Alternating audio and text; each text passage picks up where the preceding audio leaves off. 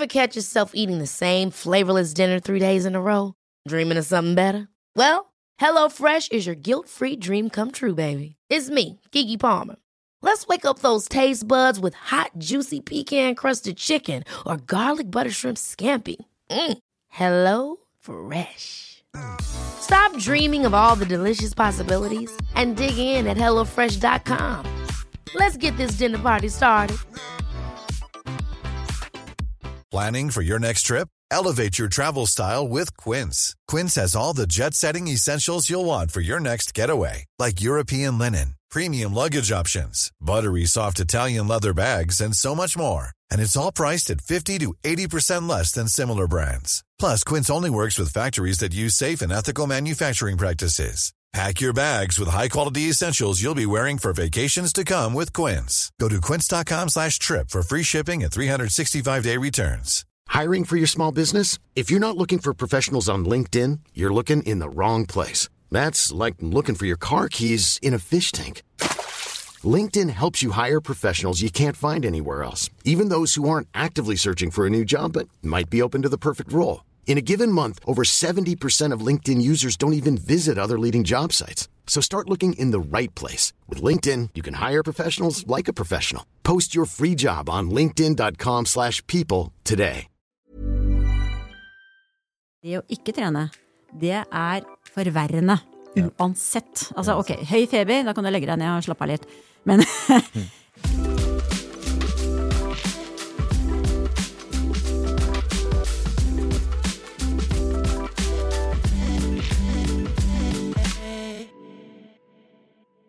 Hei og velkommen til treningsprat. Du hører på meg, Anders Muren. Også meg, Thomas Brun.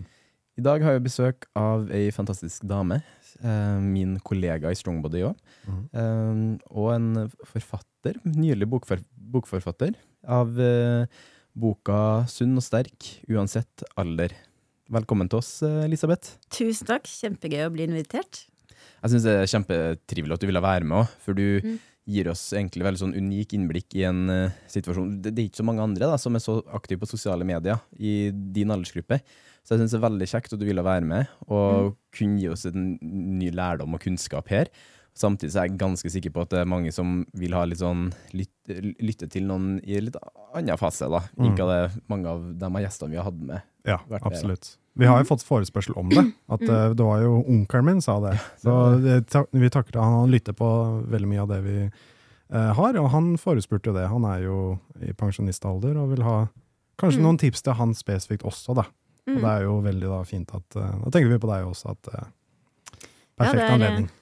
Vi blir jo stadig flere eldre i samfunnet. Eh, og vi skal holdes mer eller mindre kunstig i live til vi blir 110-120.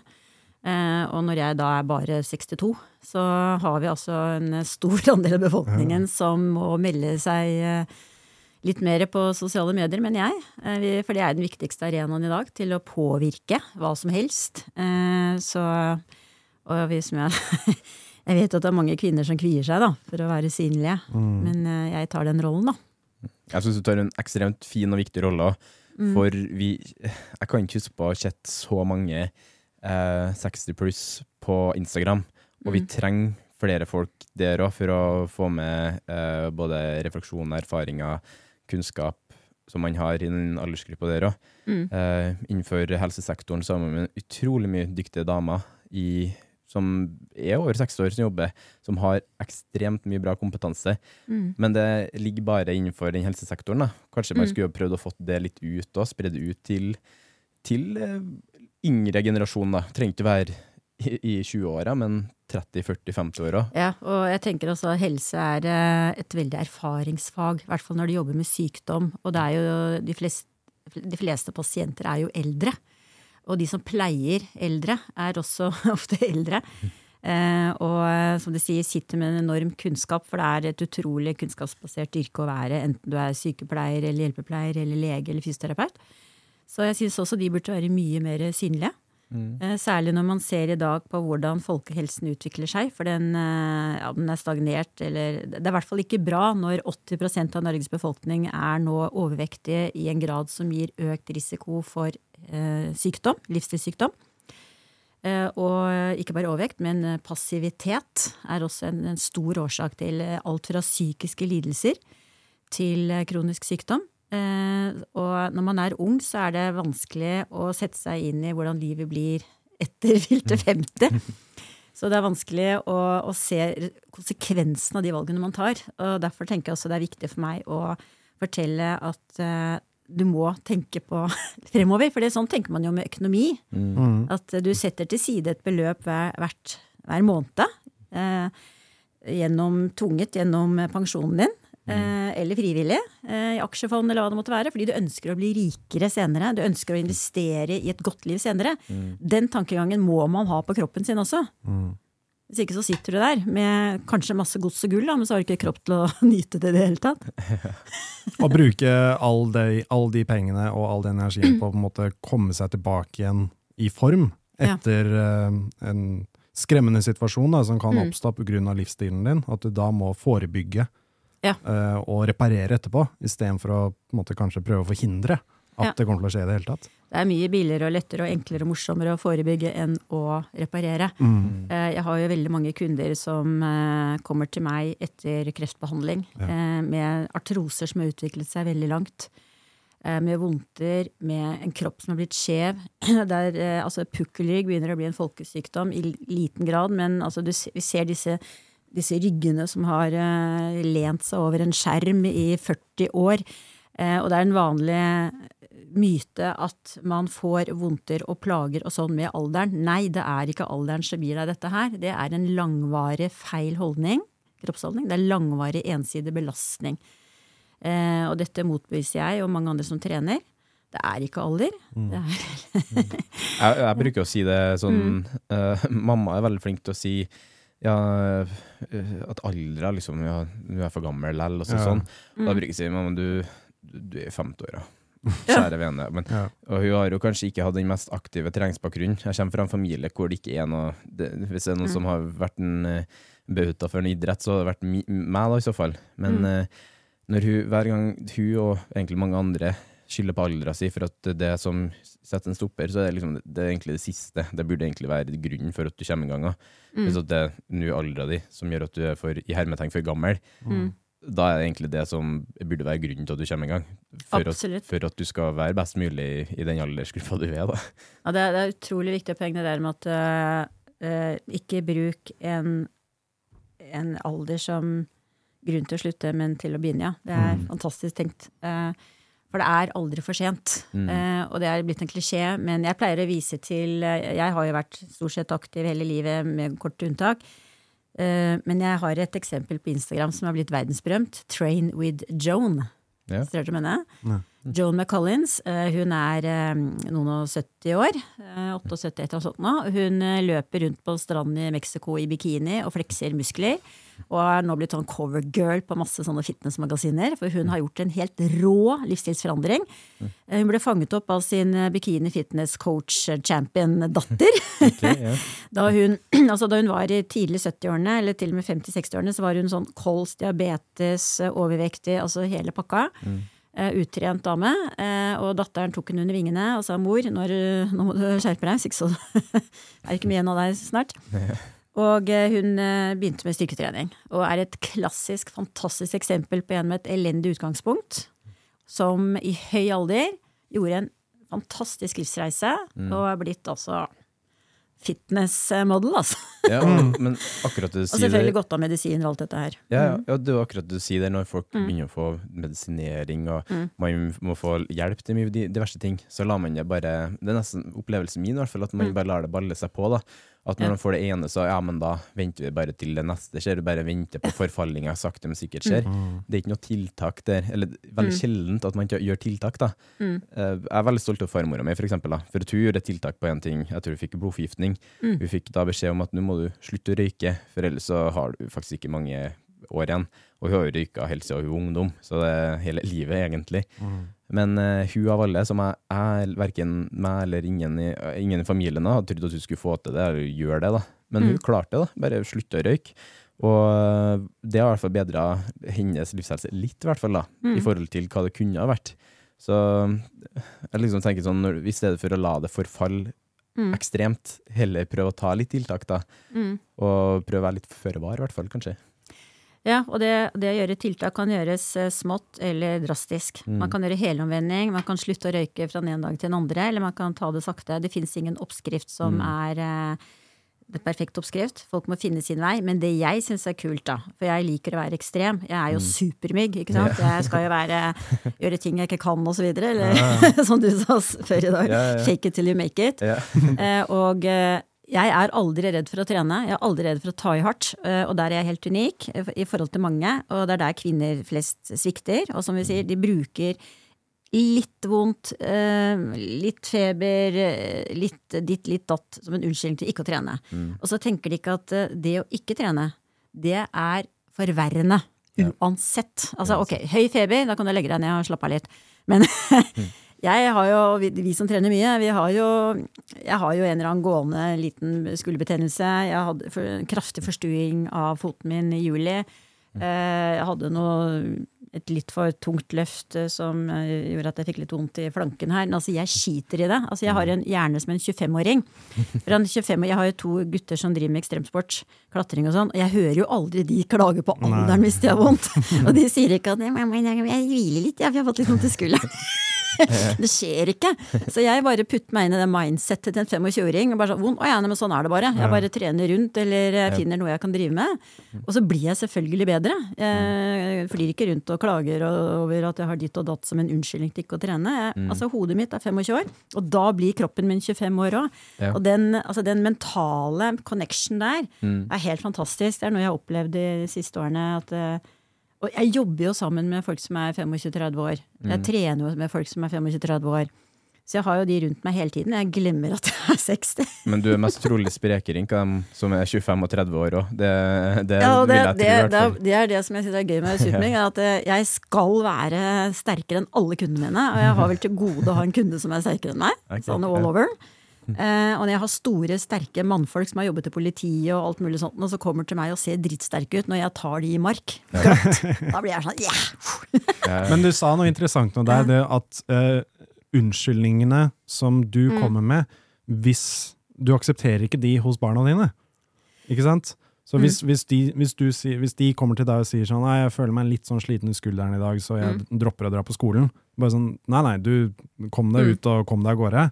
Men så kommer du med de unnskyldningene selv også. Ja. Og det syns Det føler jeg noen ganger bare som foreldre, Kanskje moren din har sagt, og jeg har også hørt det litt av foreldrene mine og storebrødrene. Noen ganger så har de unnskyldninger. Men jeg, mm. sånn, ja, men du ville ikke akseptert den unnskyldningen der Mm. hvis barna dine kom og sa det. Ja, det er et godt poeng. Det, Men, har- men du, du sier til Mm. deg selv bare sånn Ja, men jeg føler meg Det er så vanskelig å begynne, så jeg Eller det er så kjedelig å trene styrke, da. Det sa Mm. broren min en gang.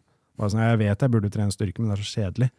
Bare Ja, sånn, det, det er kjedelig Det er når man ikke kan det, og ikke mestrer det, og ikke tør og orker å gå over den dørstokken. Og det der med Altså, jeg har jo to gutter jeg har oppdratt og utenfor løypa, som jeg sier. eh, Og jeg, jeg er ikke så veldig glad i pedagogikk, for å si det rett ut. For det blir så tillært teoretisk. Jeg tenker at den beste lærer er den som er en god rollemodell. Mm. Altså uh, show it. Ja, ja, Do it. nettopp. nettopp. Eh, og vær den uh, beste utgaven av deg selv, en klisjé. Men når du er en person som har veldig selvtillit og gjør det du vil at andre skal gjøre, Mm. da vil de andre gjøre det. Så det normative, det er et eh, begrep som betyr at det andre gjør, det vil vi også gjøre. Og det gjelder jo veldig mye her i livet. Du spiser taco fordi alle andre spiser taco på fredag. Du går i hettegenser fordi alle andre går med hettegenser. Spiste du sushi før?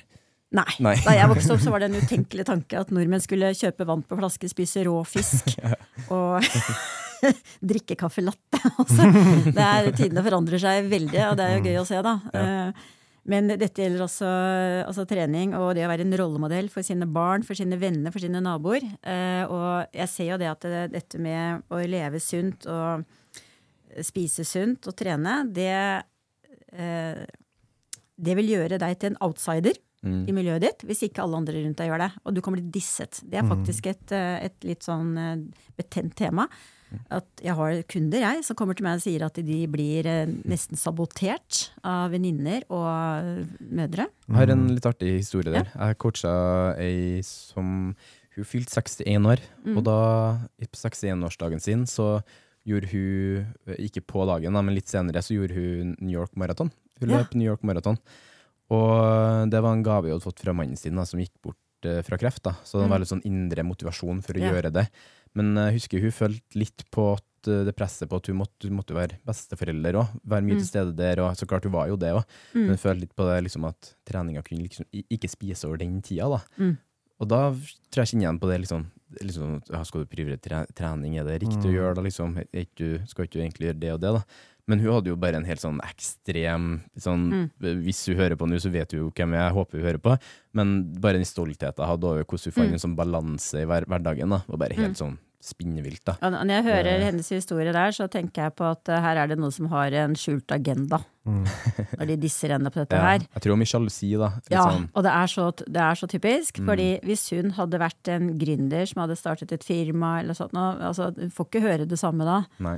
Eh, ikke sant? Og her tar hun vare på helsen sin. Her gjør hun noe som er bare positivt og sunt. Som gjør at hun kommer til å bli en veldig sprek og eh, driftig bestemor. For hvis ikke hun tar vare på seg selv, så må noen andre ta vare på henne snart. Og det får glemmer folk. Som jeg sier, Hvis ikke du trener nå fordi du sier du ikke har tid og krefter, så må du ha tid og krefter til å bli syk senere. Eller penger, mener jeg. Ja. Så nei, det, det der er litt sånn indre dis, eller sånn skjult dissing, altså. Ja. Jeg, husker jo så kult, fikk sånn bilde av at uh, barnebarna sto og heia på på Ja. ulike gateløp i Ålesund. Og Mm. det var bare helt sånn bare se, Familien var jo superstøttende og være he skikkelig store heiarop, da. Men hun kunne liksom føle litt på den at kanskje forventningene fra hva som er normen, da. Det, mm. det var litt det som sto ut noen ganger.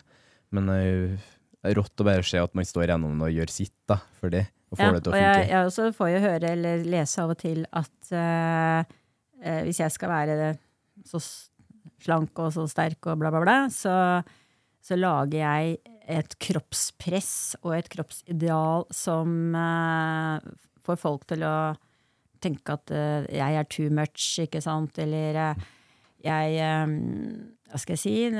Liksom, jeg, jeg skiller meg ut på en negativ måte fra denne, dette kvinnefellesskapet. Eh, og kvinner er fæle der, altså. Til å trykke hverandre ned. Til, og, og hvis jeg hadde vært litt sånn overvektig og litt sånn Fronter alle plagene med overgangsalderen, så hadde jeg blitt eh, mye bedre mottatt hos en del. Eh, men jeg blir jo litt den der tøffe i trynet-kjekkasen som eh, blåser litt av sånne ting. Og da gir jo jeg kanskje mange andre en litt sånn dårlig samvittighet eller dårlig mestringsfølelse. Som de eh, tar ut på meg. Mm. Eh, og der er menn helt annerledes. For menn lar seg inspirere og motivere av de som er tøffere, sterkere, flinkere. Eh, og de drar hverandre opp, i stedet for å trekke hun som er flink, ned. Mm. Der er det en stor forskjell på kjønnene. Det er et eget tema, altså. Ja, det tror jeg på. Men jeg likte det du sa i stad, sånn med tanke på det å inspirere, og sånn som du også sa at bestemor spre, Å ha en sprek bestemor, ha en sprek mor.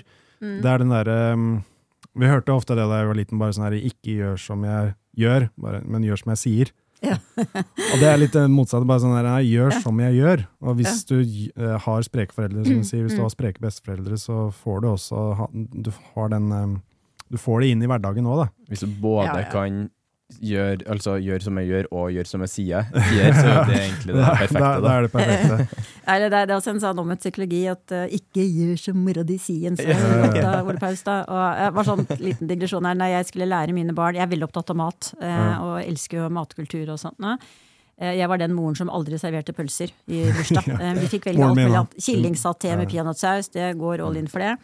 Eh, Jeg skulle ha Brus og sånt var ikke det var ikke ja, vi måtte kjøpe brus til slutt, da, men jeg var litt sånn imot det. Eh, Min yngste sønn han, eh, han sverget til Pellegrino, altså en italiensk Ja, det det, fikk er, han. Ja. det, det er min go-to når jeg er på sånn Olivia og sånn. Der- Og både han og broren er blitt skikkelig nerder på alt fra kaffe til øl til vin til you name it, og de har stor glede av denne matinteressen sin, heldigvis. Men i hvert fall da de var små, da, så dampet jeg f.eks. brokkoli og la i en bolle med litt olivenolje og salt på. Og de hadde kanskje med seg noen kompiser hjem til, etter skolen og sånn. Hvordan får man en guttunge til å spise brokkoli? Jo, du forteller han du må ikke røre de der eh, brokkoliene der. For det er små trær, og inni de trærne så er det apekatter og slanger. Tror du de gutta bare grabba brokkolien, stappa den inn og så på meg med sånn der trassig blikk? Og jeg bare sånn, fy fader, jeg så du tygde i hjel den der apekatten og bare så sånn Pass deg, pass deg! Og de bare liksom sånn, wu, wu». Er det sånn omvendt psykologi, eller? Exactly. Ja, ja, ja. Nei, det, er, det er innenfor uh, psykologi som sier meg at hvis du sier ordet ikke, Ja. da gjør du det. Da gjør du det. Ja. Ikke gå på gresset. Ja, jupp. Å, jeg har veldig lyst til å gå på gresset. Jeg hadde sånn indisk matlagingskurs for ungene, og kjøpte inn masse sånne sterke ting og snåle ting og sånt, for barn er jo oppdagelsesreisende. Eh, og så sendte jeg rundt sånne svære fat med alle mulige rare krydder og sånt, ikke sant? og rare frukter som luktet rart og sånn. Og så sa jeg, vi hadde noen sånne, jeg tok med noen sterke chilier. Og så sa jeg, må ikke ta, da var jeg litt sånn dum, da, for da tenkte jeg meg ikke om. Jeg sa må ikke ta dere i øyet. Ja, ja, ja. Selvfølgelig gjorde jo gutta det! Og Hyl og skrik og ut på badet og prøve å skille. Men uh...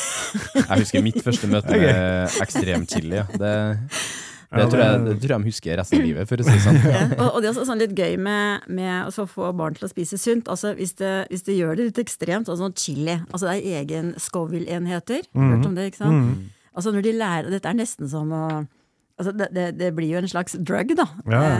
Eh, og de verste uh, Scoville-chiliene er jo noen habaneros fra Sør-Amerika. Det er helt sjukt, ikke sant? Det er, jo- men da blir jo mat gøy. ja, Ikke sant? Det er, det må man finne det som er gøy med mat. nettopp.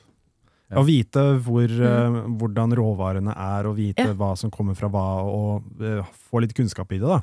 Veldig. Og, og sånn som det med chili, det inneholder noe som heter kapsik... Jeg husker ikke farten. Ja, det er i hvert fall et stoff som utløser endorfiner i kroppen. Altså det er et naturlig smertestillende middel som vi også får når vi trener.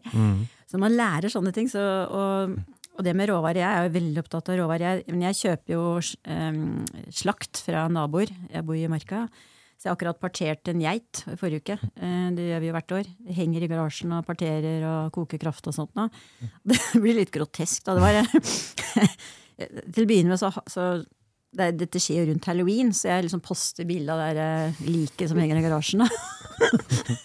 og da, da får jeg sånne litt gufne meldinger på Insta, Facebook om at dette var kanskje litt brutalt og sånn. Men herregud, hvor tror du kjøttet ditt kommer fra? Ja, men det er litt det, da. Du skal jo vite litt hvor det kommer fra. Ja, ja, ja, dette er jo respekt for dyret. At ja. Jeg kjøper jo et dyr som har hatt det fantastisk fint. Det har Klatret rundt i marka hele livet og, eh, og sånn. Og så utnytter jeg jo hele dyret.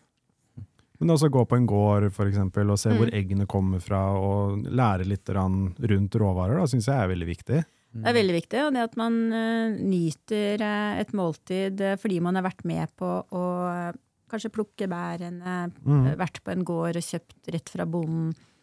Jeg er opptatt av denne helheten, da. Eh, og jeg er veldig opptatt av setekost, f.eks. Vi bor i et fjelland. Vi har 2% dyrkbar mark, resten er fjell. Mm.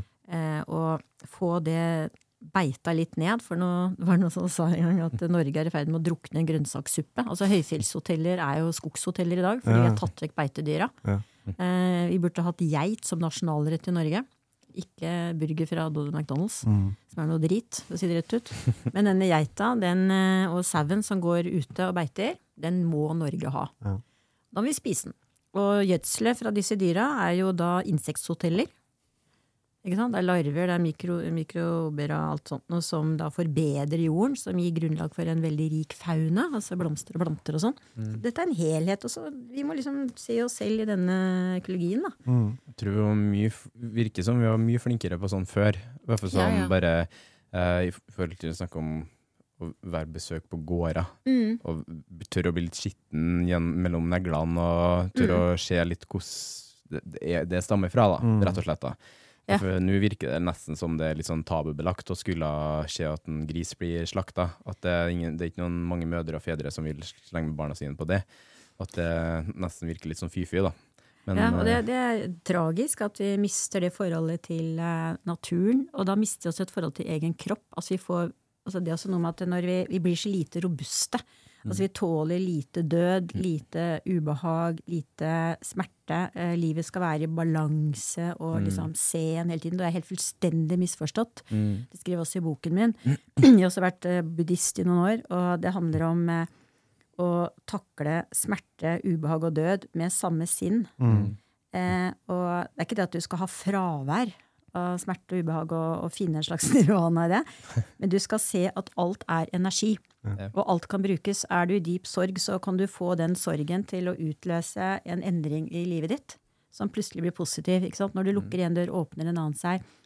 Eh, og når vi trener, så er dette veldig tydelig. da. Du, du trener til ubehag, til smerte, og da fødes en ny muskelfiber. Ja, ja. ja. og det samme når du trener kondis. ikke sant? Altså. Det er veldig ubehagelig, og når du kommer gjennom det ubehaget, så Mm. våkner du til noe nytt og sterkere. Eh, og denne berusende følelsen etterpå. Så det der med å se på smerte og ubehag som en del av noe stort, en helhet, det er viktig, altså. Men når man fjerner seg da fra både i matveien Mm. Eh, Du skal ha alt ferdig pakka, gjort full fart og legge til vann, og det skal ikke være tyg, du skal ikke tygge snart lenger, ikke sant? Mm. Er jo det er faktisk noe tannleger kan si noe om, at det har vært en dramatisk endring i kjeven på eh, få generasjoner. Masse visdomstenner noe mer. Det vokser ikke opp noen visdomstenner noe mer. Nei, Det- og folk har ja. fått så små munner. altså Tygger ikke lenger, ikke sant. Mm. Så tygg. Ja, tygg eh, rotgrønnsaker og Jeg syns det er litt interessant det du sier da i forhold til eh, liksom, liksom, det smerte og litt sånn Mm. der, da. For uh, veldig nylig så prata jeg med gamle Møtt på kroppsøvingslæreren min. Uh, ei dame som for min del eh, hadde veldig stor betydning for meg. For hun var en av få som så meg sånn, i hvert fall på lærersida, som så meg for jeg gikk, når jeg gikk gjennom min livsstilsendring. Mm. Så hun så jo at jeg hadde på veldig drastisk tid blitt mye slankere. Mm. Og hun spurte hvordan det gikk, og liksom, hun så meg faktisk. da. Så det var veldig trivelig å møte på hun. Men uh, en liten sånn oppsummering der fra kroppsøvingsfaget, bare. Hvor Mm. mye mindre deltakelse og engasjement det er i kroppsøvingsfaget blant yngre nå. Ja. Og det viser jo flere nye, nye forskningsstudier liksom at kroppsøving et veldig sånn døende fag, det virker som. Mm. Er At det, det er ikke like gøy som det var før. Folk Ja. tør ikke være med pga. dusj, og um, folk vil ikke ha vondt og vil kjenne på litt fysisk ubehag. da. At, Blir ofte eh, nedprioritert òg. Ja, blir nedprioritert, rett og slett. Ja, det er, jeg syns det der er helt sjukt. Fordi all forskning viser at uh, barn og ungdom skal og må ha minst en time fysisk aktivitet om dagen. Mm. Eh, jeg intervjuet, jeg jobbet for DN, eh, aktiv som frilansjournalist, så hadde jeg en del spennende, interessante intervjuer, bl.a. med forskere på idrettshøyskolen. Og dette begynner å bli gammel forskning. Altså det er uten tvil eh, eh, bra for barn fra barneskolen å være ute en time om dagen. Det bedrer konsentrasjonsevnen. Det gjør at de presterer bedre, de blir lykkeligere, de får bedre syke. Så altså det er liksom en sånn no-brainer. Så hvor er politikerne? Nå må vi få inn uh, et helt nytt forhold til kroppsøving. Jeg blir helt sjokka når du sier at det er blitt så nedprioritert. Men, men, men tenk deg det, da, bare sånn at kanskje lærerne og skolesystemet tenker at de er aktive hjemme også. Men hvis de da har inaktive foreldre som Mm. ikke ser viktigheten i det i seg selv, så ser de kanskje ikke at det er like viktig hos barna sine heller. da. Og da går det rundt og Ja. ikke er aktive i det hele tatt. Altså Hvis man tror at eh, folk eh, er aktive med barna sine hjemme, så har man eh, sovnet fullstendig. Fordi alle vet at nå får barn Nintendo og PlayStation ja. i treårsgave, liksom. Og vi hadde jo han, Torkil Færøy, han, han er jo allmennlege. Mm. Og han sa jo det at du får ikke lov engang til å si det til foreldre som kommer inn med barna til legekontoret, at barnet ditt er overvektig, barnet ditt trenger å bevege seg mer. Ja. Foreldrene blir jo sure. De blir jo fornærmet, de blir irritert. Så de tør jo ikke å si ifra engang. Så det er ingen som sier til dem at liksom Det er den åpenbare Mm. løsningen. Men uh, hvis du nevner det til dem, så blir de jo fornærma. Altså, det er trenden, der, da, det er jo Mm. at samtidig mindre og mindre barn og ungdom engasjerer seg i fysisk aktivitet, er med i idretter. da, Mindre er med i fotball, mindre er med på håndball. Det er mindre deltakelse generelt sett, da. Så det er bare en veldig sånn, veldig sånn skummel nedpekende kurve, da. Mm. Er det jo. Men igjen så ser man jo at det er litt mer økt fokus på styrketrening, eksempel. Mm. Eh, Yngre, jo yngre man er, jo tidligere kommer man i gang med styrketrening, for eksempel. Man får et forhold til det. Mm. Så det er jo positivt igjen, da. Men jeg tenker Mm. liksom man, å fjerne den kjernen som man har liksom kommet fra, at man har fysisk aktivitet på skolen, man har kroppsøving, man er ute, man er ute og leker, man må være ute. Mm. sånn, for, for oss, i min generasjon, som er den yngste generasjonen her i rommet, vi Ja. måtte være ute i alle, kropps, i alle friminutt. Vi kunne Mm. ikke være henge inn i gangen eller sånn. Men nå begynner den og terskelen bli sånn for at man skal sy de bomullspadene under armene til barna at ja, du kan være litt innlært, det går bra. Du må ikke være Mm. ute, liksom. Så jeg syns det er litt sånn hårreisende å bare se den trenden der, da. For det var Ja. sånn, jeg tror ikke det var sånn til deg, i hvert fall, når du Nei, var jeg er så heldig at jeg, jeg har et uttrykk jeg har arvet eller tatt fra Tor Gotaas, en fantastisk mann. Har du Ja, intervjuet han? Er helt rå. Ja. Han, vi har han på lista vår. Ja, ja, han, han er helt uh, fantastisk. Eh, han har et uttrykk som heter innsei. Eh, Og jeg er den siste generasjonen innsei. Altså vi vokste opp med at uh, det var veldig høy hverdagsaktivitet. Ikke sant? Jeg drev med sparkstøtting til skolen, syklet, måtte rulle ned bilvinduer når jeg kjørte bil. Uh, måtte ut og plukke bær. Og, Derfor var det så bra biceps ja, på rullinga. ja, ja, ja, det var mye padling og alt mulig. Uh, Men i hvert fall i dag så vokser jo barn opp som pudding, for å si det rett ut, og det er jo tragisk. Jeg og- var en pudding. ja, sant? Og det, det er jeg, jeg får helt vondt jeg, når jeg ser råvektige barn. Jeg får så vondt av dem. Og, og det, det er så mye snakk om en psykisk helse. Dette er helt parallelt. Altså, Mm. psykisk helse blir dårlig når du har en fysisk utrent, passivisert kropp, spesielt når det er barn og ungdom. Vi er født til å løpe, vi er født til å trene styrke. Og apropos styrke, det er jo mange som tenker at ja, barn skal ikke inn på et treningsstudio. De må være 16 år på Fresh Fitness jeg jobber. Og det har vært en del sånn eh, Folk syns det er litt sånn ille at man skal inn der og gjøre det når man er 16. Nei, det er ikke ille, fordi vi har tatt fra oss mennesker eh, den hverdagsaktiviteten som var eh, styrke etter, altså styrkene, nemlig bondegården. Altså, vi er jo, og jakt og fiske. Skal, Egentlig skal vi løpe ut, og så skal vi skyte dyr, eller jakte et dyr, og så skal vi slenge det over skulderen og bære det hjem. Det gjør sønnen min oppe på Hardangervidda. Tar en diger sånn simle på ryggen. Eh, det er jo det færreste som gjør. Og så har du Bondegård i dag er jo å trykke på noen knapper. Før så var det å bære stein og tømmerstokker og, og sånt noe. Eh, Så det var en naturlig del av hverdagsaktiviteten. Og så er det forsket nå på, helt nylig på skjelettet til bronsealderkvinner. Okay, De var jo i snitt mer trent enn våre toppidrettsutøvere. Ja, ok, det sier litt, ja. Det sier litt, ikke sant? Altså bare det å, å sanke bæ, eller hva de nå sanket, og så skulle det stampes, og de bygget jo husene selv. De klatra noe fjell. Og bar unger eh, Det var ikke prevensjon, det var sikkert masse unger, én på huet og én på ryggen. Det var mye bæring. Men ja, ja, Men det nærmeste vi kan gjøre det der, er å simulere det Ja. på treningsrommet. Exactly. Og treningsstudio er bare en erstatning for bondegården. Ja, nettopp. Og det, da tenker jeg liksom sånn 16-årsgrense. Jeg skjønner liksom at man har en liste på det, men i hvert fall som jeg vet på 3T i Trondheim, da, som på en måte er basically sats, liksom, egentlig. Samme greia, bare 3T. Trøndelagsgreie. Men ja. um, der kan man være i grupper, da, hvis at man er under 16 år, da. Eller så kan man jo være med foreldre, da. Inna.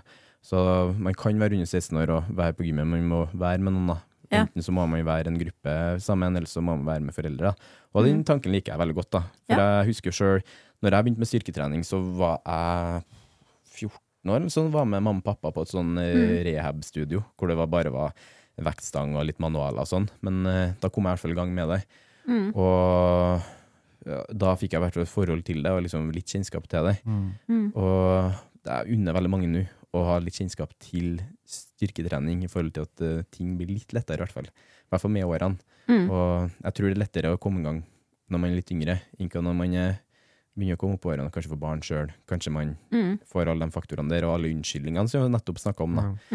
Men de unnskyldningene vil jeg fortsatt ikke at folk skal ha med seg, for de, eh, jeg syns det er litt bullshit. Mye av unnskyldningene. i hvert fall. Ja, det er det. Altså, kan du er, bekrefte, eh, Elisabeth. Ja, ja, ja, det er, eh, men, det, men det er noe med at vi er genetisk Altså, vi har to hjerner. Dette er veldig interessant også. Jeg leste en nobelprisforfatter en, Han som fikk nobelprisen i psykologi, skrev en bok som het 'Thinking Fast and Slow'. Tenke fort og langsomt.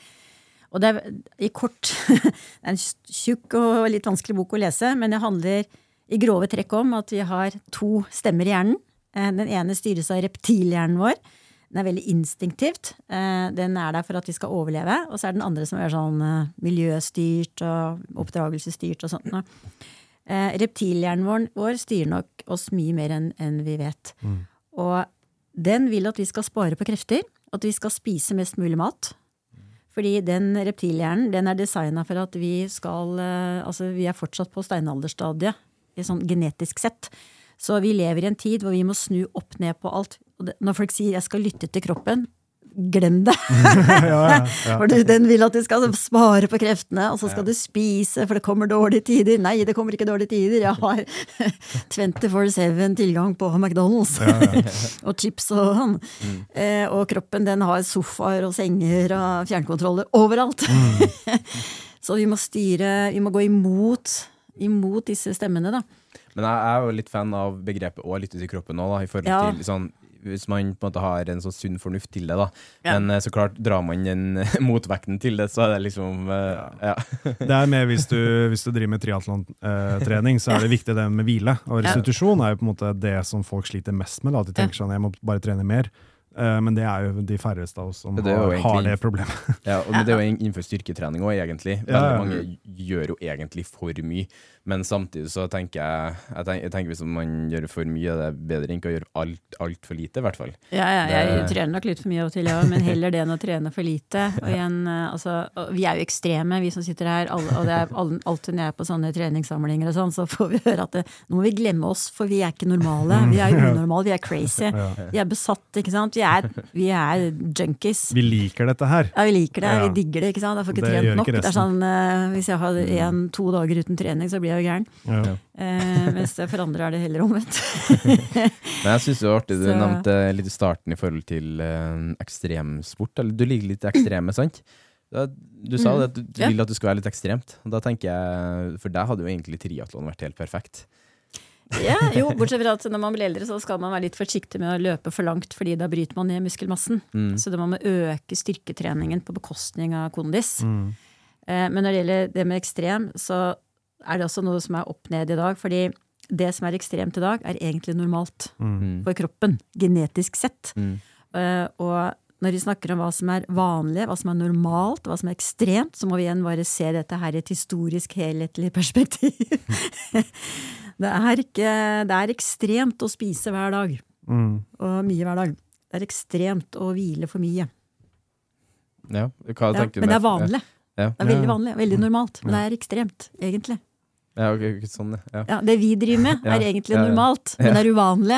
Det er ikke sånn. Ja. Og så vil jeg ta deg litt tilbake i forhold til eh, navnet ditt på Instagram, da. Ja. Kan ikke du forklare oss, du har jo vært litt innpå det, men bare, jeg syns det er litt interessant å høre. Jeg tror lytterne vil ha en forklaring. Ja, altså jeg blir jo kalt for mygg av mine nærmeste, da. Fordi jeg er en sånn liten, virrete sak. ja, det kan vi bekrefte. Ja. Og så, eh, og så eh, startet jeg en blogg som het eh, Aktiv over 50. eh, Tips fra en venninne. Og så var det gøy en stund, og så følte jeg ikke at jeg fikk noe tak på Jeg fikk ikke så nok, nok følgere, det er jo i og for seg ikke nå. Eh, og så tenkte jeg nei, vet du hva, navnet er jo veldig begrensende. Jeg vil jo nå frem til alle. Eh, og så spurte jeg alle hva jeg skulle hete, og så kom det forslag om ja, men du er jo supermygg. Mm. Det er fantastisk, jeg tar det navnet. Eh, og det å ha en Altså, jeg har aldri vært noen sånn superpopulær eh, person da jeg vokste opp, så jeg leste mye, og jeg var litt så venneløs en kort periode, og dårlig selvtillit og sånt noe. Og da flyktet jeg inn i bøkenes verden. Og som veldig mange gjør i perioder i livet. Og jeg elsket jo alle disse superheltene. Supermann og Linvingen og Sølvpilen og Emil og Tintin og Asterix og sånn. Det er jo superhelter. Og alle trenger en superhelt. Og ta den frem igjen, den superhelten din, som du identifiserte deg med. For den superhelten som er supermigg inni meg, har jo trigget meg voldsomt. Og jeg må jo da hele tiden være litt sånn larger than life. Så jeg gjør ting jeg ikke kan. Eh, og det har blitt en eh, sterk motivasjonsfaktor, og veldig morsomt for meg selv. Mm. Som jeg har sagt, altså når jeg har alltid sagt at jeg eier ikke prestasjons... eh, Eller jeg, jeg har prestasjonsangst og eier ikke konkurranseinstinkt, og da ler sønnene mine rått. Gjennomskue det. dere. Ok, da. Så jeg liker litt konkurranse, da. Men Ja. mest mot meg selv. Ja. Jeg syns det er fint det da, at man kan ha en sånn konkurranse innad det eh, you versus you. og Ha litt den Ja. eh, refleksjonen av seg, den man jobber mot. da. Mm. Det tror jeg alle på et eller annet vis, uansett om vi som ikke interesserer seg så gærent for trening, så kan man Mm. relatere til det kanskje i jobbhverdagen, da, eller i studiehverdag eller lignende. da. Mm. Men uh, for oss som lytter her, så er det jo trening som er veldig relevant. da. Så jeg tenker det å sammenligne seg sjøl med den versjonen man var for en dag siden, eller for en Mm. uke siden, det tror jeg man, hvis man gjør det konstant i Mm. en periode, Mm. sånn som jeg gjorde i et halvtårsperspektiv, og gikk ned 40 kilo og bare ble, ble den superhelten av meg sjøl som jeg altså, For min superhelt før var Spiderman, men nå ble jeg en superhelt meg sjøl til slutt, Mm. etter at jeg gjorde det jeg gjorde. Og da det handler om akkurat det der. Sammenligne Mm. seg sjøl mot speilbildet sitt hver dag, hver uke, Hver Og jeg tror også menn er mye flinkere til å heie på hverandre, støtte hverandre og identifisere seg med det at jeg er en som skal bli størst og best og sterkest, og der er kvinner veldig dårlige. De skal ikke liksom bryte ut av flokkens middelmådighet. For da får de andre dårlig mestringsfølelse, du blir en trussel. Der må kvinner ta seg sammen. De må også tåle å være litt sånn super på alle måter. Og det betyr man må tørre å våge å feile. Man må vise at man feiler. Jeg gjør ting gærent på Instagram, og jeg merker at jeg blir veldig sånn, får litt angst for at det sitter noen nå som kan dette bedre enn meg, og disser meg og tenker at jeg er en jævla dårlig PT, jeg kan ikke dette egentlig og sånn. Da får jeg litt sånn Da tenker jeg ok, jeg må bare, jeg, nå må jeg bare være litt mann igjen, da. Ikke Nei, du må være kvinne, rett og slett. Jeg synes, sånn, Ja. man, må være, man må ha begrepet kvinne, ja, rett og slett. Ja. Ja. Mm. Men jeg tenker liksom det du sier i forhold til mm. uh, det, Du var jo på God morgen Norge. Var det jo Ja. ikke så altfor Herregud, lenge det var siden. forferdelig. Var det, var det skummelt, eller? Det var så skummelt, fordi jeg har jobbet masse i TV, jeg altså, så det er som journalist og sånt, noe, men bak kamera. Og det er så gøy å være bak kamera og sitte mm, bak der. Du har et filter som du kan gjemme deg bak. Ja, ja altså det, at liksom- det, er, det er mye morsommere å være bak og styre og ordne og fikse og sånn, sånn enn, enn å være foran. Uh, og ikke minst når det er da rett på lufta, tidlig morgen. Eh, det er ingen sjans å ta bort det du gjør og sier feil. Og det var jo nok til at jeg syntes dette var helt forferdelig. Skummelt. Eh, Jeg fikk liksom fem minutter generalprøve med, med programleder, og da snublet jeg i setninger og sa ting for fort og for langt og sånn. Ja. Og jeg hadde, skulle si veldig viktige ting på veldig kort tid. Dritvanskelig. Og så skal jeg vise noen øvelser. Men i hvert fall, det gikk jo greit. eh, Og altså, når jeg satt der, da, så var jeg sminket og sånn, og så begynner det ene øyet mitt å renne. Ok. Eh, For det, det var litt sånn følsomt for øyet. Altså det, herregud, nå tror folk jeg sitter her og gråter. Og så begynte nesa å renne. Det syns ikke, ser jeg etterpå, men jeg ble så stresset på det. Ja. Så det er, masse, altså det er ikke noe gøy å sitte foran kamera. Men jeg syns- men jeg syns du tok deg skikkelig bra ut der. da Jeg så den i reprise i etterkant, Uh, og jeg syns det var fint å dele samme At du er min kollega. Da tenker jeg du, Ja, ja, tusen takk. Og det fikk veldig, veldig mange uh, visninger. Eh, supermange visninger. Og uh, det, det klippet de la ut på Insta.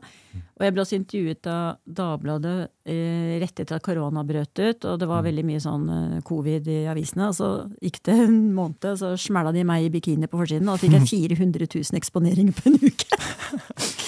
For da har folk drittlei virus og vil heller se på meg i bikini. Men det var Så det er, eh, men det er også noe med at jeg, som dere sa, jeg, det er nesten ingen på min alder med min eh, eksponering og altså som er der ute.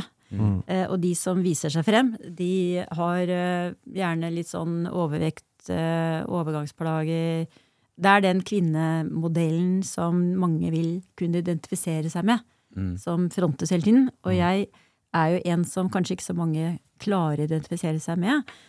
Men jeg vil jo at de skal gjøre det, da, for de har den i seg. Den indre Jeg tror ved at du er den superhelten. Ja, jeg tror ved at du er den superhelten som du er nå. Super, ja. ja. det må jo Ja. sies å være. Du, Ja, altså, ja, ja, du. Mm. du står bra ut. Det gjør at det skapes større sannsynlighet for at det blir flere av det etter hvert. Man Mm. må ha den ene personen som bryter ut litt der og tar på seg den rollen. Mm. Og tar på seg den usynlige superkappa. Superheltkappa. Så det, Men, ja. det gjør du. Noen, noen, noen må komme først, på en måte. Ja. Jo da, nei, det er, det, jeg Det ser er at jeg plutselig har ramla i den rollen. sånn det bare skjedde. han kom ned som en sånn Så jeg tenker, jeg tenker det viktigste er at du bare fortsetter å gjøre det, og har det budskapet du har, for det er kjempeinspirerende. ja, nei, det er, eh, ja, Nå har liksom rollen tatt meg litt, så jeg, Du, nå er det for seint å Det er snu. du. Ja, det er litt gøy, da. I går var jeg jo apekatt på Instagram. Ja, det, er- det, er liksom det, det er liksom det råeste jeg gjør. Det er liksom å fly rundt eh, eh, sånn monkey walk, vet du. Sånn Ja. ting, ting, Ja, ting, ting, ja, ting. Så jeg jobber med saken. Men jo, nå husker jeg hva det skal sies. da, vil si at det der med å eh, altså bli sterkere og konkurrere med seg selv og være bedre enn jeg var i går. Eh, og da er det sånn at når man er under 30 år, så vil du nødvendigvis våkne opp større og sterkere dagen etter. Så den, eh, den konkurransen er ikke sånn innmari hard før du har rundet peak age. Og for en på min alder så er det å være like sterk i dag som jeg var i går, det er faktisk en fremgang. Fordi kroppen min, dessverre, jeg synes dette er forferdelig, den er jo nå på aldringens vei. Raskere og raskere, og det heter sarkopeni på fagspråket, muskelsvinn. For det som gjør deg gammel, det er muskelsvinn. De blir jo mindre i kroppen og alt. Du skal jo dø av noe. Altså, du kan ikke dø som en super. Ja, ja, ja. Så det å jobbe mot genene, mot sarkopenien, Mm. det er jo eh, det som er den tøffeste konkurransen når du blir eldre. da. Og jeg blir sterkere. Altså jeg løfter tyngre i dag enn jeg gjorde for en måned siden. Så ikke bare har jeg eh, blitt sterkere sånn generelt, jeg er blitt mye sterkere. Og det er kult at det går. Det er jo, um, ja, Faren min sa det her om dagen, han er jo 70. Og han, sa, merker, han merker jo det nå, hvis han ikke bruker mm. musklene, så forsvinner dem. Da er de ikke der, liksom. Da er det, da er det borte. Ja, og det, det som er det viktigste budskapet for foreldre, er at ja, du bygger muskler like bra som en 25-åring, men du mister det raskere. Og da er det én regel som kan hindre det. Du må ikke la det gå mer enn 48 timer mellom hver gang du stimulerer muskulaturen din. For på de 48 timene, så det vet jo dere som trener, når man trener bryter man ned kroppen. Veksten skjer i restitusjonsfasen. Og hvis den restitusjonsfasen er mer enn den gylne middelvei, så vil restitusjonen ende opp med at den brytes ned igjen. Så du må forte deg og å gå tilbake igjen til vektene når de 48 timene er gått. Da er musklene klare. Er det, går det mer enn 48 timer, så begynner sarkopenien igjen. Synes jeg Du må fint- holde det like. Det er Ja. et veldig fint budskap å ta med seg her, Mm. og husk på det òg. For det tenker jeg, jeg tenker, sånn uansett aldersgruppe her nå, så er noe av dere her å ta med seg i fremtiden. Mm. Husk på det. Jeg kjenner i hvert fall til å huske på dere her. Du Ja. kommer til å være med meg nå i tankene her i alle mine styrkeøkter framover. Sånn liten sånn Timmy gresshoppe. Ja, liten, Mygg. en liten mygg på skuldra mi. Holder på, holder på. Så på. Mer snakk om boka di. Ja, selvfølgelig. Jeg glemmer litt. at jeg skal selge bok. jeg. Ja. ja. Nei, Selg oss. Det, ja, den, den, øh, den har jeg vært veldig personlig med. Mm. Eh, Egentlig er jeg en veldig privat person, men jeg, synes jo, jeg er jo personlig der, og det syns jeg var litt gøy, da, fordi jeg har levd et veldig rikt liv. Jeg har mange historier, intervjuet masse fantastiske mennesker og lært mye av alle, og i alle kulturer jeg har bodd i. Og så jeg smæla dette sammen til eh, min livsfilosofi, og den boken handler om at jeg bare åpner topplokket mitt og ser hva som skjer nedi her, som gjør at jeg har den enorme driven til å trene. eh, Denne indre motivasjonen, hvor kommer den fra? Eh, Og den kommer jo fra alt dette jeg har opplevd gjennom livet. Eh, Alt fra at jeg har jobbet med bistand til at jeg har intervjuet folk. Og det ligger mye buddhisme der, fordi man må ha en eller annen sånn grunnleggende filosofi i livet. Eh, For noen er det religion. Eh, Buddhisme er en, en eh, religiøs filosofisk retning, som jeg nevnte litt i stad. Dette med forhold til smerte, som jeg skriver om i boken.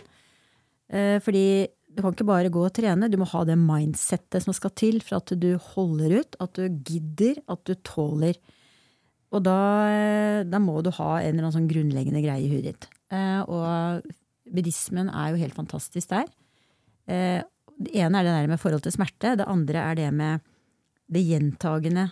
Det du gjør mye, ofte, eh, vil forme livet ditt. Og da må du være bevisst. Så buddhisme handler om fra du står opp til du legger deg, så skal du ha en bevisstgjøring.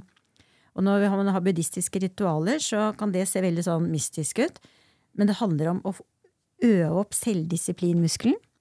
Når du gjentar og gjentar og gjentar et rituale, det kan være fysisk, det kan være mentalt, så hamrer du det inn, og det blir en del av eh, DNA-et ditt. Så når jeg står opp, så begynner allerede valgene mine. Skal jeg se ut av vinduet eller ikke? Skal jeg lufte dyne eller ikke? Skal jeg strekke meg eller ikke? Skal jeg ta kaldt vann i ansiktet eller ikke? Skal jeg ta meg en røyk? Skal jeg ta meg en kaffe? Skal jeg drikke matcha-te? Skal jeg ikke spise? Skal jeg spise? Før klokka er, før det har gått en time, så har du tatt kanskje 100 valg. Og alle de 100 valgene former livet ditt i en retning. Så de fleste er ganske, ganske bevisstløse på hvorfor de gjør det de gjør. Fra de står opp til eh, de har kommet ned til frokosten, eller ikke. Når du bevisstgjør deg det, da begynner du å sitte på en fantastisk nøkkel til livsstilsendring. Og det vil også være liksom måten du møter andre mennesker på. Hvis du har en drøm, en visjon om å bli sterkere, eksempel, så skal du si til deg selv 'jeg er sterk, jeg skal bli sterkere'. Og når du er interessert i noe, så vil det forme ditt samtaletema, uansett hvem du snakker med, og det vil forme hvem er det du snakker med. Du kommer på fest. Du ser masse mennesker rundt deg, du kan velge hvem du kan prate med om hva du vil, men hvis du har en lidenskap som du er veldig bevisst, da vil det styre samtalen din og hvem du snakker med. Og så kan det føre til noe. Plutselig sitter jeg her og har podkast med dere. Yeah, yeah. Fordi et eller annet skjedde et eller annet sted. ja. Ja. Det bruker jeg og Thomas å si, og sånn i forhold til vårt vennskap og kjennskap. da. Mm. Sånn bare, Det forma seg bare en vei ut ifra valg man har tatt. da. Mm. Og så sitter vi her da og har en podkast sammen, og har et godt vennskap sammen. da. Ja. Og man ser også det på folk som er veldig opptatt av lidenskapen sin. De får stor suksess. Mm. Ja, det er ikke tilfeldig hvem som får suksess. Det er ikke det. Ikke i det hele tatt. Mm. Og det Ja, det, Men det, men det er sånne, sånne valg som jeg liker, da, hvor det er ingen som tvinger deg til å gjøre det. I hvert fall hvis du jobber med et hobbyprosjekt eller en bok eller eh, en podkast eller hva det nå er. Mm. Det er ingen som tvinger deg til å gjøre det. Det er ingen sjef som kommer inn og sier sånn 'dette skal du bruke tid på nå'. Mm. Du må selv finne den motivasjonen. Og hvis du er lidenskapelig i det, så Mm. ignorerer du alle de der sånn motivasjonstalene-greiene. Du, du bare begynner med det, og du Mm. bare gjør det. Og du leder på en måte litt din egen vei, og da sier du sånn plutselig så ender man opp i en situasjon hvor det plutselig har blitt en del av hverdagen din uten at du egentlig har tenkt noe særlig over det. Fordi du tenker bare at du mm. Litt sånn da- og da- tunnelsyn, da. Og da skal jeg gi en liten honnør til Lukas Bråten. Han er en eksentrisk, superlidenskapelig geni av en skikjører. Han må få gå sin vei. Mm. Han må få gjøre det som, som har bygget han, som gir han glede, som holder på lidenskapen hans. Helt enig. Og Yes. jeg syns det er kult at du nevner navnet Lukas Mm. Bråten, for jeg, jeg jobba hardt for å få med han hit, så oh, ja. Det håper Ja, jeg det kan det- skje i framtida. For at det, Ja. vi trenger nytenkende, Mm. in innovative folk innenfor uh, idrettsverdenen. Mm. Og jeg tenker måten han har stått ut på nå eh, Jeg har i hvert fall veldig masse respekt for det, for mm. jeg, jeg forstår det fullt ut. Mm. Uh, og håper for all del at man eh, kanskje kommer til en løsning der, så vi ikke mister et eh, sinnssykt stort talent. da. Og, og det som også er så viktig, er jeg identifiserer meg alltid med folk som er litt outsidere, som er litt annerledes, som er litt eksentriske. For det, det er meg. Eh, og jeg er veldig individualistisk. Eh, Jeg er mye alene i greiene mine. Og jeg ser jo at de som lykkes stort, er de som Som dere sa, sa jeg er, en, jeg er den eneste supermyggen der ute. Jeg har en, en mystisk rolle som plutselig er min, da. Og det var sånn oi, wow, yes! Men vi må dyrke frem etter rommet. Mm. Fordi det som er så dumt med organisert idrett, som jeg egentlig aldri har drevet noe særlig med, det er at det blir for rigid. Altså det passer noen veldig bra. Det passer mange veldig bra. Å bli styrt og få regler og mønstre du skal gå og stå og spise og kle deg akkurat sånn fordi at treneren din sagt og alle de andre på laget er sånn. Og så kommer det en og vil gjøre noe helt annet. Og hvor skal de gjøre av seg? Eh, Da jeg vokste opp, så hadde vi veldig mye sånn individuell lek. Vi føk ut på gata, og det var løkkefotball, ikke sant. Nå skal du ha fullt utstyr og bam, bam, bam, ikke sant. Da forsvinner en del av disse talentene som er der for lekens skyld, for moroas skyld, for lidenskapens skyld. Og, vi kan ikke, og derfor så blir det sånn enten-eller, at det enten blir unger sittende hjemme med Nintendo og kjeder seg til psykisk sykdom, eller så må det liksom inn dette her eh, du skal bli verdensmester-kjøret som eh, organisert idrett er blitt. Og jeg bor jo på vestkanten og er også alpintrener for unger, har vært. Og herlig hjemmet. Og du har foreldre som står og teller 1000 portpasseringer før jul. Ungene kommer i kondomdress fra de begynner, liksom. Og så skal de, når det er sommer, så skal de sendes ned til Tyskland i sånn der vindtunnel, for de skal bli neste OL-vinneren. Og stakkars unger, og enda mer synd på de yngre søsknene er det, som blir sittende i baksetet på biler som fyker opp og ned til Kvitfjell. Fordi den der ene sønnen skal bli verdensmester, fordi har pappa bestemt. Ja, ikke sant? Ja. Jeg syns, den jeg syns det er en artig jeg, den, jeg synes det er litt gøy at du tar inn igjen, for at man har jo At det er en sånn serie som gikk på TV2 med dere idrettsforeldre eller noe sånt. Oh, ja. Da han er en spiller litt sånn typisk idrettsfar innenfor alpintrenerrollen. Mm. Og det, jeg tror, det var tydeligvis ikke tilfeldig at det var den alpintrenerfaren som var den rollen da, akkurat. Mm. Ja. Og det er en veldig kostbar sport. eh, Ja. Veldig tidkrevende fordi det er så mye kjøring Ja. så mye reising. Ja. Eh, Det er ikke alle som har en alpetopp i bakgården. Nei, det, nei, det er sant. Så det er en, det også bilkjøring og sånn er jo veldig kostbar. Litt kostbare. prestisje, da. Kanskje Hest. at man gjør det bra der, da. Ja, ja, det er jo Sei- Seiling kjempeprestisje. og Ja, og det er, det er veldig dyre idretter, og det, det blir jo liksom eh, Og du skal ha millionlønn for å ha et barn som driver med greiene, så Ser ikke for at ungen din driver med noe som ikke er kostbart. Nintendo. Ikke sant? Det er kanskje en grunn til at eh, det også er et varsko. Da. Nå har folk dårlig råd, eh, og så blir det liksom sånn at eh, bare de som har god råd, skal få spreke barn. Mm. Det er trist. Sånn skal det ikke være. Jeg har en sånn Mm. lokalhyllest til der jeg bor oppe i Byåsen. For nå Mm. har man på et av et litt sånn litt forlatt hermetegn sånn åh, gym, i- idrettshall, gymsal, rett og slett. De har forma et uh, tilbud som er helt gratis for barn å være med på typ håndball eller fotball eller hva det skulle være. da. Så det er en gratis tilbud til alle å bare bli med. Så det er liksom organisert fra frivillighet. da. Og det syns jeg er et kjempetiltak. At man tar tilbake at eh, her kan alle sammen være med. Helt gratis tiltak. Mm. Og i en verden, verden, verden husker jeg å si, i et Norgesland der eh, kostnader til å være med fotball og lignende, lignende treningsavgifter bare høyere og høyere, rekordhøy faktisk, Mm. så trenger man mer av det, den, den gratiskjela tilbake. Da. For nå Mm. Det er for dumt at et par fotballsko koster 4000 kroner, yeah. og alle barna vil ha det nyeste, fresheste, og det er ikke kult nok hvis du tar skoene til 2500, liksom. Der er det også sånn at eh, det er blitt mye sånn utstyrshysteri, da. Jeg er jo veldig dårlig på utstyr, egentlig. Eh, altså, jeg har jo noe bra utstyr, men eh, jeg løper rundt i joggesko som er gamle. Eneste jeg bryr meg om, er at sålen suger, bokstavelig talt. og gamle klær. Eh, og det er litt kult da, når du er eh, i bakken, for eksempel, og, eller på ski, og du har litt sånn slitt utstyr, og så er du dritgod på ski. Ja. Og det er sånn klassisk da i Alpene, når du kommer inn i full bugner og Ja, ja. moncler, så kan jo fankeren ikke stå på ski. Det er, klass, ikke sant? det er jo Ja. mer, bedre utstyr og dårligere er på ski. Det er litt sånn, og det er litt kult, da. Eh, og, men sånn burde det være flere idretter. At, eh, Det er litt det i Ja. triatlon også. Jo dyrere sykkel du har, jo Ja. Svakere Du fokuserer på utstyr istedenfor Ja. å fokusere på liksom, prestasjonen. prestasjon, da. Ja. Veldig Mm. ofte. Og Så det er veldig kult å liksom sykle forbi de med liksom, sykler til 107 000 kroner, ikke sant? ja, jeg sykler rundt med en sykkel med støtte og skjerm og sånn. Ja, ja. Eh, Bare rase forbi de med elsykkel. Ja, ja, det, det er det som er gøy, da. At når, det, når du kan brife litt med dårlig utstyr. Og så, og så er det noe med at når du har litt tungt utstyr, så blir du mye sterkere, selvfølgelig. Det blir jo det. Ja, og jeg har en gammel, tung kajakk fra 76. Ja. Eh, og jeg bør ikke padle så langt jeg, for å bli sterk. Istedenfor å kaste bort to timer på en sånn her som går av seg sjøl, som holder det med en time, så Det er jo elmotorer. De er jo ja. Og elsykkel, eh, da skrur jeg motoren. Eh, Jeg har lånt eh, elsykkel et par ganger, og ja. Kjedelig. Bare ja, det er kjedelig. Altså, det- det er et fantastisk mm. middel for de som er i dårlig form, altså. Det Det er si. kjempefint tiltak. Det er det jo. Så det var Det er kanskje et dårlig eksempel, men, Men jeg eh, syns det er fint hvis du uh, erstatter bilen ja. med elsykkel. Så, så, er det, så er det et veldig godt poeng. Men uh, folk Mm. har jo det at de erstatter sykkelen med en elsykkel. Og det er liksom sånn, ok, Men da, da er på en måte poenget litt borte, føler jeg. Mm. ja, ja, hvis du skal trene og sånn, så nei. Men det, er- da blir det liksom økten, dagens økt er liksom komme seg til og fra jobb, da. Mm. Ja. Det blir jo fort det. Men, Så er, kan det fort, altså Folk kommer jo lenger inn i marka med en elsykkel, men på den annen side, når du har en tråsykkel, da, så går det kanskje litt saktere, og så får du kanskje med deg litt mer, da. eh, ja, vi merka det når vi sykla til Frognerbadet med bysykler. Med bysykler, ja. ja, Det var tungt i motbakkene Ja, ja. når man ikke eh, har det letteste. Men ikke sant, hvis, vi, hvis du er på sykkel, da, så er det jo watten som du ser på. Hvor mye Ja. produserer du eh, på den sykkelen? Og hvis Ja. du har en tung sykkel, så må du produsere mer vatt for å komme deg for å sykle like fort. Og da får du jo trent mer da, hvis du skal Mm.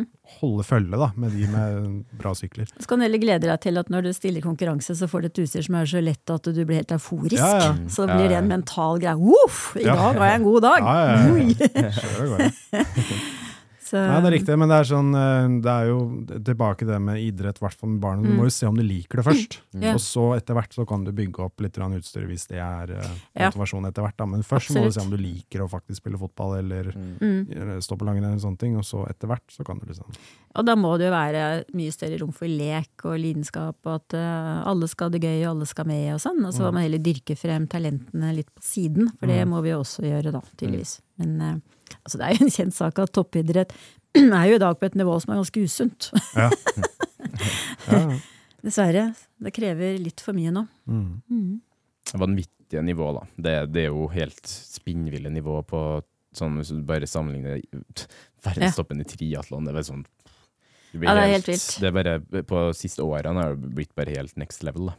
Mm. Men du må liksom ha dem for å inspirere alle andre også, til Ja, å begynne med det. Absolutt. Mm. Så de ofrer jo lite grann, men eh, de, skal, de skal ha skryt for at de inspirerer andre.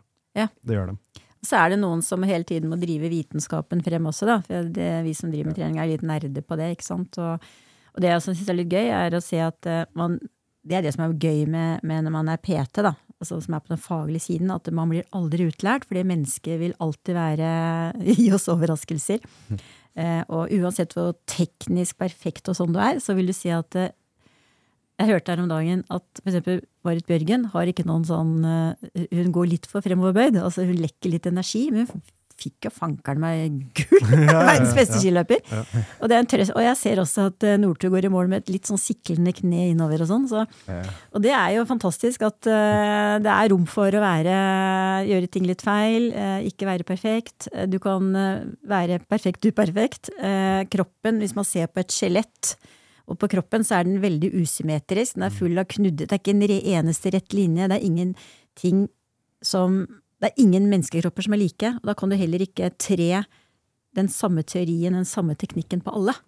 Og det er også en sånn eh, lite budskap som må frem til folk som sitter og nistirrer på, på Insta, hvor det er folk som skal 'Å, du skal gjøre den perfekte knebøy'. Ja, altså, perfekt for hvem? Ja. For deg, kanskje?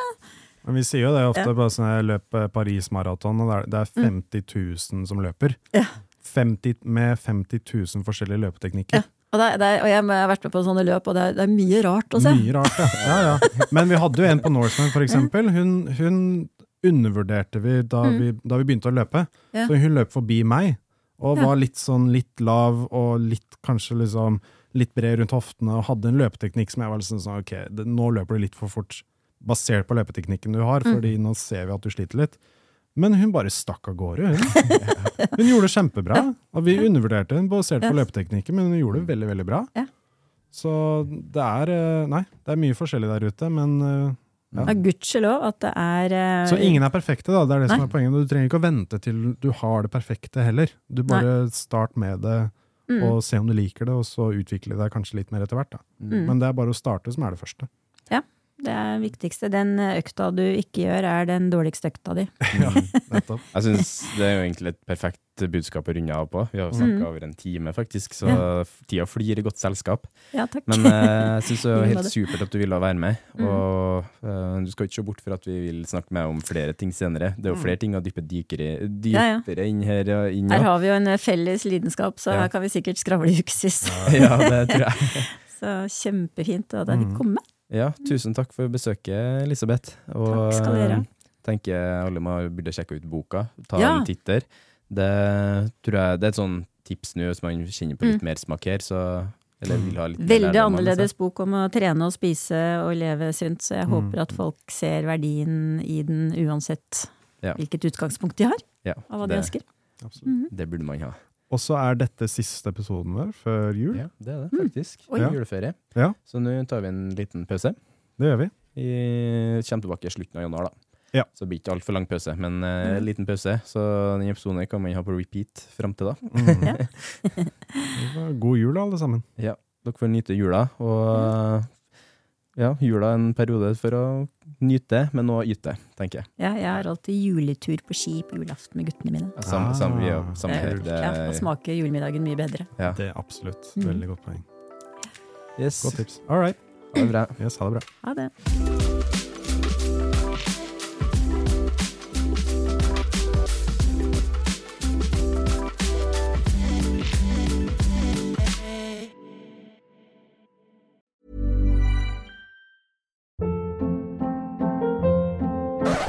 Hold up. What was that? Boring. No flavor. That was as bad as those leftovers you ate all week. Kiki Palmer here, and it's time to say hello to something fresh and guilt-free. Hello Fresh. Jazz up dinner with pecan-crusted chicken or garlic butter shrimp scampi. Now that's music to my mouth. Hello Fresh. Let's get this dinner party started. Discover all the delicious possibilities at hellofresh.com. Even when we're on a budget, we still deserve nice things. Quince is a place to scoop up stunning high-end goods for 50 to 80% less than similar brands. They have buttery soft cashmere sweaters starting at $50, luxurious Italian leather bags, and so much more. Plus, Quince only works with factories that use safe, ethical, and responsible manufacturing. Get the high-end goods you'll love without the high price tag with Quince. Go to quince.com slash style for free shipping and 365-day returns. Mom deserves the best, and there's no better place to shop for Mother's Day than Whole Foods Market. They're your destination for unbeatable savings, from premium gifts to show-stopping flowers and irresistible desserts. Start by saving 33% with Prime on all body care and candles. Then get a 15-stem bunch of tulips for just $9.99 each with Prime. Round out Mom's menu with festive rosé, irresistible berry chantilly cake, and more special treats. Come celebrate Mother's Day at Whole Foods Market